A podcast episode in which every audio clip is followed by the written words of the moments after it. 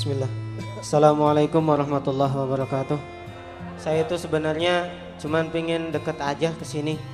Jadi saya bingung kalau mau disuruh ngomong apa. Gini aja. Urun rembuk dalam hal gagasan. Urun rembuk dalam hal pemikiran. Banyak ulama yang mengatakan bahwa Islam itu telah sempurna. Ya salah seorang desainer saya nggak tahu negaranya mana orangnya orang apa gitu. Namanya siapa saya lupa. Cuman dia mengatakan bahwa apabila sebuah desain sudah dikatakan sempurna itu bukan tidak bukan berarti tidak bisa ditambahkan apalagi namun justru tidak bisa dikurangi dari desain tersebut. Makanya saya urun rembuk bahwa Islam kesempurnaan Islam adalah bukannya is, Islam itu tidak bisa ditambah bukan tetapi Islam sudah tidak bisa dikurangi ya. Itu yang pertama. Yang kedua panjenengan tadi mengatakan cari unsur agama di lagu-lagu tersebut gitu. Saya langsung kepikiran pas lagu Inggris itu. Artinya opo langsung kepikiran saya. Oh mungkin ini salah satu kata-kata utlubul ilma walau bisin. Kalau itu kan Cina mungkin ini utlubul ilma walau bil Inggris kayak jadi biar apa namanya? Biar kita paham bahasa Inggris. Ah, itu salah satu perintah agama bahwa kita harus paham bahasa Inggris gitu. Itu yang bisa saya apa namanya pahami dari lagu-lagu tersebut. Ah, untuk pertanyaannya saya sering ah, bukan sering ya, pernah membaca bahwa para ulama-ulama di Indonesia itu khususnya tanah Jawa mereka itu banyak yang kayaknya celeneh. Celeneh dalam artian syariatnya rapatnya oh ya begitulah. Tapi kalau Arab itu walinya kok senengnya nangis. Terus senengnya kok teriak-teriak nang tengah gunung tengah-tengah sawah. Nah menurut panjenengan itu gara-gara apa itu? Kenapa kok wali Indonesia sama wali Arab itu berbeda gitu dalam cara pandang uh, apa namanya beragama begitu? Terima kasih. Wassalamualaikum warahmatullahi wabarakatuh. Oke. yang pertama tadi Islam tidak bisa ditambahi eh tidak bisa dikurangi. Pertanyaan Anda apa soal Islam itu? Urun saja apa bertanya? Oke. A. Ada masalah apa dengan Islam? Sehingga Anda urun tentang Islam.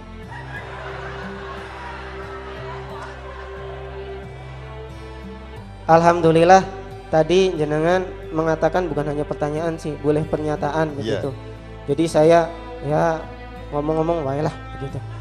Kalau masalah yang yang bermasalah saya mungkin bukan Islam. Karena Islam itu tidak ada masalah dan tidak akan pernah punya masalah dan dia tidak menanggung masalah apa-apa wong, wong Islam itu nilai kok. Yang jadi masalah itu kan kita. Kan gitu. Jadi jadi yang kita pelajari itu diri kita. Kalau Islamnya sudah tidak ada masalah, Islam itu tidak masuk neraka, tidak masuk surga. Gitu. Islam itu tidak ada masalah yang ada masalah itu kita mengatakan tadi awal saya, saya tanya subjeknya itu siapa? Kita. Ki, dari kita ini subjeknya apa? Akal dan hati kan gitu. Nah akal kita hati kita ini yang ada masalah sekarang.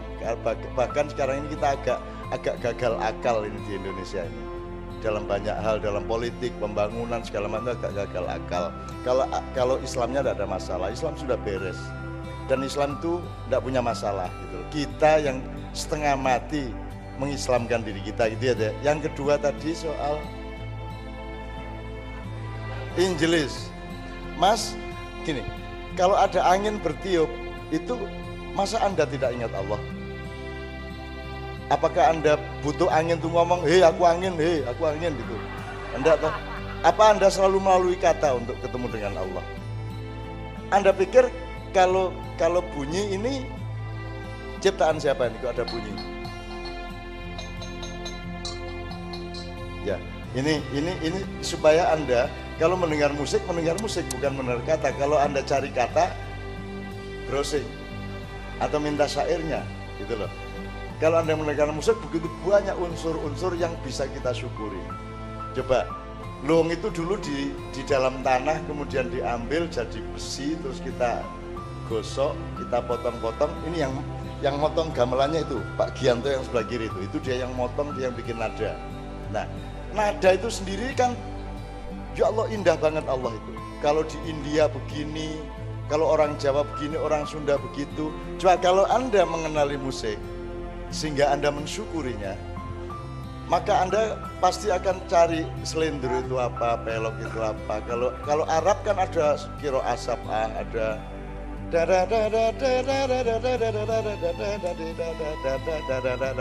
itu bukan Jawa, itu Arab. Salah satu dari sekian banyak notasi Arab. Kalau selendro misalnya leri ler leri ler tandure wosu itu selendro. Kalau pelok gimana Mas? Ler iler ler iler tandure wosu milir miring-miring itu pelok. Saya itu tidak perlu kata-kata kalau dengerin musik. Aku itu mendengar halilintar itu apa? Apa yang langsung i, i, masuk ke benak kita apa? Kekuasaan Allah, kedahsyatan Allah. Jadi semua itu kepentingan adanya apa saja itu hanya untuk satu, yaitu supaya kita ingat Allah. Itu dok. Untuk apa kamu kawin tapi tidak ingat Allah? Mending tidak kawin tapi ingat Allah. Kan begitu. Tapi aku tahu jawaban mereka yang, yang baik adalah ya kawin ya ingat Allah. Arek-arek yang itu. Gitu ya mas ya. Jadi kamu pikir Mas Doni yang nyanyi ngerti artinya? Enggak ngerti juga dia. Dan tidak perlu ngerti untuk apa ngerti. Emang berapa persen orang Islam yang yang kalau membaca Quran dia tahu artinya? Saya tanya, hafidul Quran, hufadul Quran, anak-anak, orang-orang yang hafal Quran ketika membaca dia ngerti artinya enggak? Jadi jangan sok cari kata dan arti bohong. Gitu. Loh mas, penting untuk mengerti artinya, tapi kalau Anda tidak mengerti, tidak mengurangi hubungan kita dengan Allah. Kamu itu cewek cantik. Cantik gimana? Bisa jelasin kamu? Lah nggak bisa toh. Terus pokoknya cantik. Gimana? Cantik bagaimana? Bisa kamu jelasin? Kan nggak bisa. Jadi kamu paham nggak sama cantik tadi? Kan enggak toh. Jawabannya pokoknya lihat sendiri. Ya, kan gitu kan? Jadi Anda jangan terlalu kognitif, jangan terlalu literer. Nanti Anda kehilangan keluasan dunia gitu ya Mas ya. Kalau soal wali tadi aku nggak ngerti. Wali Jawa sama wali Arab tadi. Saya juga belum pernah ketemu wali Arab teriak-teriak itu bener. Dan aku yang jenenge wali ku apa ya gak ero aku gitu ya. Kalau saya bilang saya yang jawab berarti Anda akan menyimpulkan oh Cak Nun wali. Karena rumusnya la yariful wali ilal wali. Kalau saya menjawab berarti nanti Anda akan menuduh saya wali. Kan begitu kan? Gitu. Terus Anda meneruskan dalam hati berarti aku ya wali. Kan gitu kan. Gak terus nanti hatimu dewe. Ini dialog antar wali. Ngono silakan mas. Masih ada berikutnya? Oh masih ada. Ya fadl mas ya. Bismillahirrahmanirrahim. Uh, Sukron Sukron ala waktukum ya ustaji uh, Sa as'alukum ani soal uh, hunaka fi mahadi maudud al-ustad yaqul annal gina haramu haram halalu halal. Uh, uh, sa'as'alukum ilaikum uh, maksud maksud dari annal gina halalu halal haramu haram itu apa? Uh, cak. Yang kedua? Uh, uh, marodan ukhra marodan ukhra uh, naam. Mada soal marodan ukhra anil halal haram mada. Fil mahadi uh, hunaka anal ustad uh, yaqulu anal gina ustad. An, anal ustaji mahadikum. Eh ya fil mahadi. Nah. uh, yaqulu anal gina huwa gina al gina kekayaan. Gina oh seni. Naam. Oke. Okay. anal gina huwa haramu haram halalu halal. Uh, menurut hal, haramu haram halalu halal. Menurut Ca Nun كيف المراد haram الحرام halal الحلال haram الحرام ma ما معناه أن hukmul gina huwa haram haram halal halal. قال الأستاذ uh, maksudnya hukum gina itu sebenarnya haram atau halal seperti itu? Yang kedua uh, sami itu anal Rasulullah sallallahu alaihi wasallam eh, ya uh, doa fi fi da, di, fi du'aihi Allahumma ahyini miskinan wa atmitni miskinan wasurni fi jumratil masakin. Uh, di sini banyak kemungkinan orang yang me, memikirkan seperti apa sih miskin yang sebenarnya di dalam doa Rasulullah ini yang diriwayatkan oleh Bukhari. Syukron. Syukron ya. Oke. Al-istimrar, Man. Kelas? Mbah, pertanyaan saya belum dijawab Belum. kayaknya, Mbah. Lu ini loh bergiliran, Re. Iya, saya jawab sekarang. Saya jawab dulu yang anu, mang, yang sa, apa? eh, Yang Yang- pakai bahasa Arab tadi. Naam, naam ya yas'aluni fil lughatil arabiyyah. Tadi tanya mengenai musik ya, eh tentang lagu. Gini, Anda yang tanya apa Anda ditanya Ustadz? Jawab bagaimana? Kemarin tentang uh, ada ada ma- materi tentang di di pondok ada Ya. materi tentang musik. Lagu. Uh, uh, lah ustadznya mengatakan bahwasanya musik itu andal ghina halal halal haramu haram. Ya, bahasa Indonesianya apa? Uh, sesungguhnya musik itu ada yang halalnya halal, ya haramnya haram seperti itu. Yang maksud maksud dari halalnya musik itu seperti apa dengan yang haramnya itu seperti apa gitu. Loh, wong yang ngomong dia kok nanyanya ke saya? Iya aneh itu.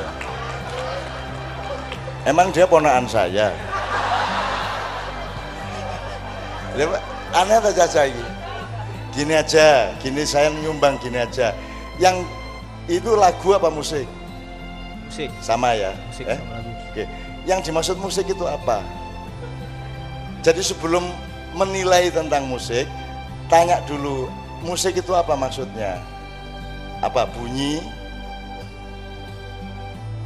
nada, irama, alatnya, yang mana musik itu? Yang dimaksud musik itu apa? Atau lagu itu apa?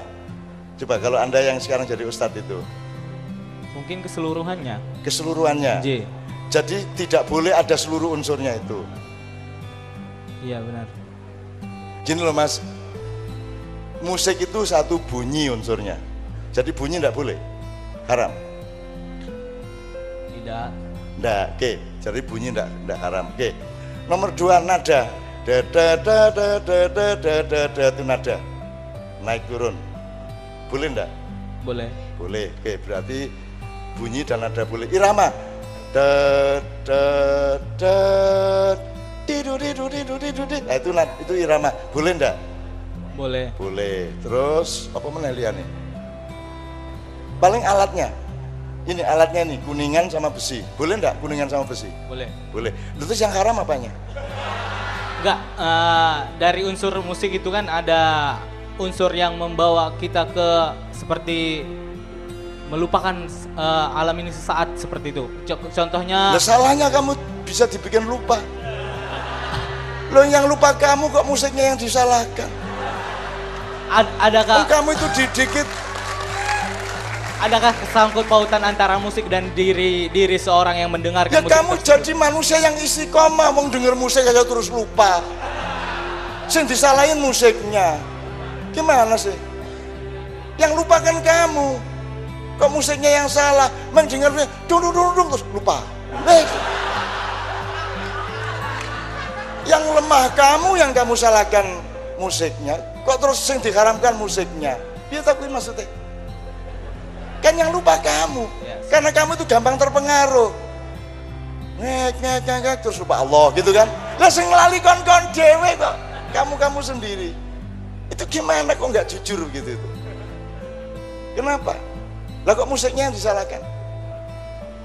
yang eh, mungkin eh, itu sebagai argumen Ya. eh, menurut Cak Nun sendiri apakah lagu atau musik itu sendiri eh, bagaimana pandangannya seperti itu adakah halalnya atau haramnya seperti eh, mohon maaf eh, mungkin Oke. Ini alat musik Mas ya. J Ya, ini halal. Sini kalau kepalamu haram.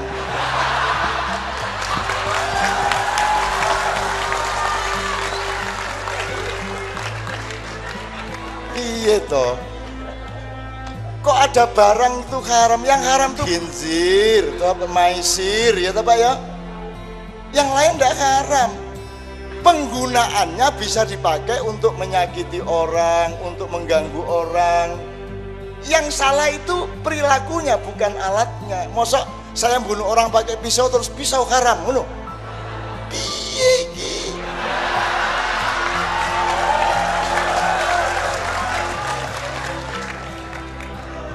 Makanya nomor satu itu alat menjadi orang Islam itu bukan Quran, bukan syariat, bukan fikih, bukan kitab, bukan hadis.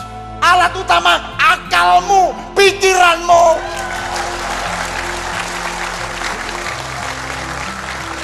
Tidak terima duel kita.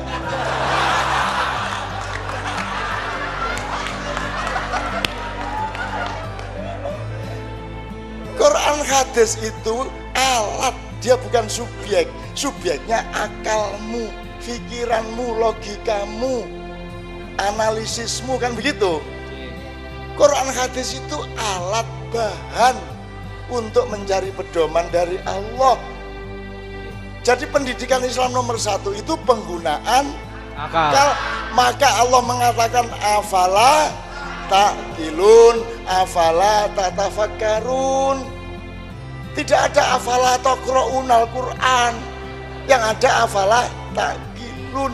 Jadi nomor satu itu akalmu sendiri. Saya tanya, andaikan tidak ada Quran, kamu memperkosa wanita apa tidak? Enggak toh? Eh? Memperkosa? Loh!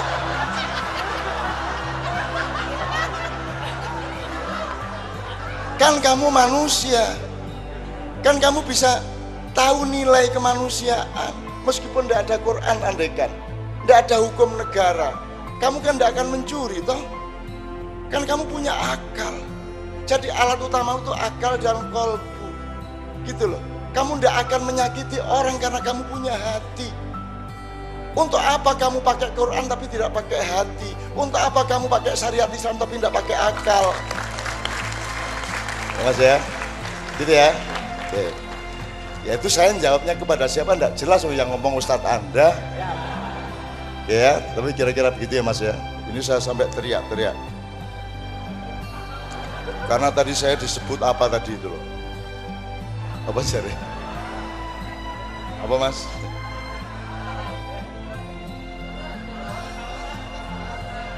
Apa?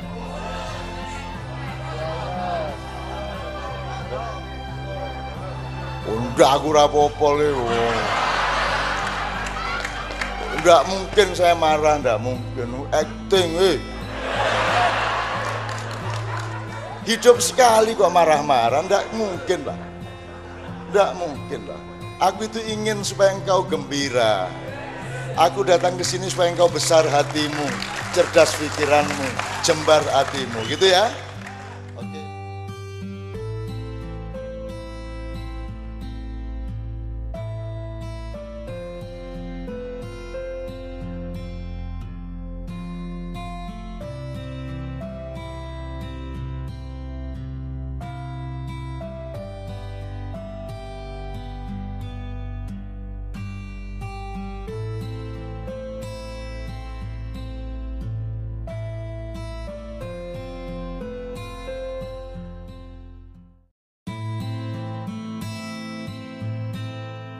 Kan kamu manusia.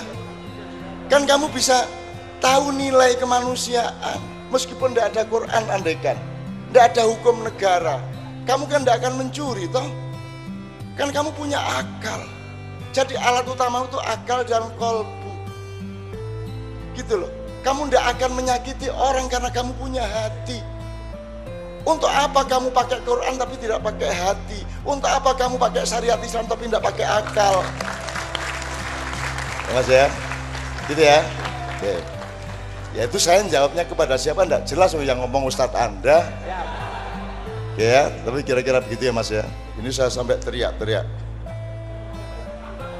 Karena tadi saya disebut apa tadi itu loh. Apa cari? Apa Mas?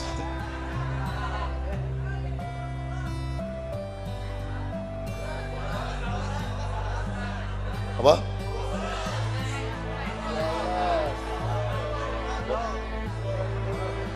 Enggak aku rapopo. Oh. Enggak mungkin saya marah, enggak mungkin. Acting, eh. Hidup sekali kok marah-marah, enggak mungkin lah. Enggak mungkin lah. Aku itu ingin supaya engkau gembira. Aku datang ke sini supaya engkau besar hatimu, cerdas pikiranmu, jembar hatimu, gitu ya.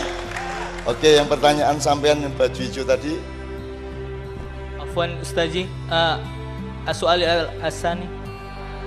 Soal asani uh, Hanifan, Hanifan. yang apa yang mah? Allah ma'ahini miskinan. Oh miskin. Oke gini, ini jawaban pribadi ya. Saya itu, andaikan saya kaya, saya akan hidup sebagai secara miskin. Saya. Dan sampai hari ini saya hidup secara miskin. Saya, saya tidak tahu saya kaya apa tidak. Tapi saya hidup secara miskin. Makan saya cuman seperti itu. Tempat tidur saya cepat seperti itu. Saya masih cuci sendiri. Saya masih korah-korah di dapur. Saya tidak punya pembantu. Saya nyetir sendiri. Kecuali jarak jauh mereka tidak tega sama saya. Jadi saya hidup secara miskin. Satu ya. Andaikan saya kaya, tidak akan saya pakai kekayaan untuk untuk menghidupi saya. Karena saya pribadi memilih untuk hidup secara miskin, biasa saja sampai hari ini. Ya Mas ya. Dan saya tidak pernah meningkat loh budaya saya. Kemudian ngono iku. Ya wis mek mek tempe wis kuakui lah. Gitu ya. Dan saya masih hidup seperti di pesantren dulu sampai hari ini. Tidur tidur di kasur tuh malah malah nggak enak. Saya tuh saya saya bisa kok tidur di kursi bangku sekolah ngene iki wis. Sampai pagi nggak ada masalah saya. Saya tidur dalam posisi apa pun tidak ada masalah karena tidur bagi saya adalah peningkatan kekuatan sel-sel saya. Semakin saya tidur enak, semakin lemah sel saya. Semakin saya tidur tersiksa, semakin memberontak sel saya sehingga menjadi lebih tangguh. Ngono dia aku. Nomor dua mas, saya itu berpendapat miskin itu baik. Yang tidak boleh itu fakir. Kalau fakir harus ditolong. Tapi kalau miskin itu baik. Saya loh mas. Kaya itu bahaya. Kadal fakru ayyakuna kufron. Al fakru di situ tidak harus kemiskinan harta. Orang yang mempertahankan kekayaan berarti dia jiwanya miskin. Orang yang masih mencari kekayaan berarti dia bukan orang kaya. Kalau orang kaya dia tidak mencari kekayaan. Orang yang mencari kekayaan pasti orang miskin kan begitu. Sama dengan Anda hidup di dunia kok menumpuk dunia goblok. Oh sudah di dunia kok mencari dunia. Kalau di dunia itu mencari akhirat. Gimana sih Anda ini? Wes dek kali kok Nanti kali ini, lo sekali kok. Terus kamu bikin drama mencari Tuhan. Terus Tuhan datang, sikit biar dek kene aku. Ini." So, dari dulu di sini kamu udah lihat. Sampai ada ngomong wali tadi ya. Ada seorang waliullah di daerah di tempat saya di Mojo Agung. Dia tidur telentang di tengah jalan raya jalan lintas Jakarta Surabaya telentang terus dia nangis wow wah kayak bayi dia sudah tua waktu itu sudah 70-an terus dia tidur kayak bayi terus nangis kayak kayak kayak bayi jalan macet polisi datang mbah enten apa sampean ikut mriki niki Lan apa sampean kok nangis nih itu bahasa Jawa Timur ya? Kan macet ini. Tapi tidak ada yang berani sama mbah ini. Terus ditanya beberapa kali baru dia menjawab. Wancane matane pijek kabeh. Ket mang kanjeng nabi rene ono sing nyopo. Dodolan tok ae raine arek-arek. Golek bathi tok kanjeng nabi iki ket mang keliling delok-delok kon gak ono sing nyopo situ-situ oh. gak ono sing selawat situ-situ oh. wah aku seneng banget adegan ini seneng banget gitu kan. terus polisi ini gila mboten ketok ya mbah sampean saged delok mriki mboten ketok. Lah raimu ku ndelok dhuwit tok ae pintere. Mulane gak iso ketok Kanjeng Nabi. Ngono deh. Itu kejadian bener-bener. Ya apa kate ketok Kanjeng Nabi wong merak matamu iku mek dige mek dilatih nek gak ndelok dhuwit, ndelok arek wedok ayu, ndelok susu, ndelok mesti ya Kanjeng Nabi gak ketok. Oh, dioring-oring polisi ini. Ya wes nek ngono, terus dia kayal-kayal, akhirnya aspalnya tuh pecah-pecah karena si Mbak itu kayal-kayal. Jadi kalau dia itu marah anjlok itu yang hancur bukan kakinya tapi aspalnya. Makanya jangan bikin saya marah. gitu. Tapi sikilku dewe sing bundas re. Itu ya Mas ya. Eh, apa namanya? Ya, mungkin bisa menjawab sedikit soal wali tadi ya. Tapi kan wali itu ya wali yang enggak pakai aturan Mas. Apa sebabnya wali di sana di sini, di sana kok gini ya enggak ada aturan cakar karepe. Wong dia majdzub kok. Yo dia cuman mediumnya Allah kok. Wong wali itu ono wong nagih utang lesu. Eh, jangan main-main kok sama Tuhan.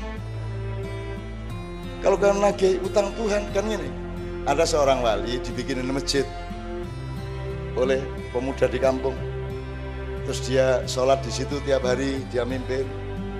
Ternyata ada Cina-Cina datang dari kota, ternyata masjidnya masih banyak utang tegelnya masih utang, gendengnya masih utang, kayaknya ditagih dia sama Cina-Cina loh. Imam, ini ini belum bayar, ininya belum bayar. Lah izin deh. Lagi jebol arah ini utang ya masjid. Terus dia karena malu sama pedagang-pedagang, udah tunggu sebentar, tunggu sebentar. Jangan main-main kau sama Allah. Jangan nagih-nagih kau sama Allah. Dibayar kamu nanti. Menunggu gitu. Allah kok ditagih, pasti dibayar kamu, tapi jangan nagih-nagih kamu. Terus dia masuk masjid, dia berdoa, ya Allah, ini rumahmu masih punya hutang ya Allah. Apa engkau tidak malu ya Allah? Engkau yang maha kaya, masa rumahmu punya hutang? Aku yang hanya penjaga saja malu, masa engkau tidak malu? Bayar hutangmu ya Allah, bayar. Wani gue ndonga kaya ngono. Wani gue. Gue ning wali sing wani ngono gue dia belum selesai berdoa ada mobil datang weng weng weng weng weng weng weng weng weng. Terus dia hentikan doanya dia keluar orang yang di mobil yang baru dari turun. Imam bagaimana? Bikin masjid tidak bilang-bilang kita? Kita kan juga pengen menyumbang kita juga pengen berkah kita juga pengen jariah. Masa tidak minta kita? Kita kan juga pengen. Jadi ada orang lain yang tidak dimintai sumbangan marah. Terus si imam si wali bilang ya sudah tuh bayar Cina-Cina itu. Bayar Cina-Cina. Lu asik dah mas? Makanya anda sama dunia itu jangan terlalu bentoyong gitu. Sudahlah asiklah sama Allah. Semua syariat itu dasarnya asal usulnya adalah cintamu kepada Allah dan cinta Allah kepadamu. In kuntum tuhibbunallaha fattabi'uni yuhibbukumullah. Kan begitu jadi semua ini asal usulnya Allah mengatakan kepada Muhammad, wahai Muhammad katakan kepada mereka, kalau memang mereka mencintai aku, cinta loh mas, bukan ketaatan, bukan komitmen, cinta. Kalau kalian memang, kalau mereka memang mencintai aku, ikutlah Muhammad, kan begitu. Jadi kita ini ikut Muhammad karena cinta kepada Allah. Jadi cinta mas, gitu loh mas ya. Oke, oke, dan habis pertanyaannya, ya. Oh miskin tadi tak tambahin.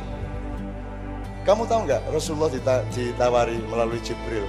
Jibril bilang sama Muhammad, kalau dia mau jadi raja yang kaya raya seperti kakeknya Sulaiman alaihissalam untuk menjadi mulkan Nabi ya, raja yang kaya raya, maka wahai Jibril siapkan semua infrastrukturnya Kemudian Jibril membuat gunung emas di antara Madinah dan dan Mekah dan sampai sekarang masih ada di Pakir.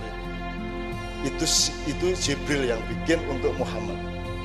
Untuk menawarkan kepada Muhammad, Muhammad kalau engkau mau menjadi raja yang kaya raya seperti kakekmu Sulaiman, Allah menyiapkan semuanya.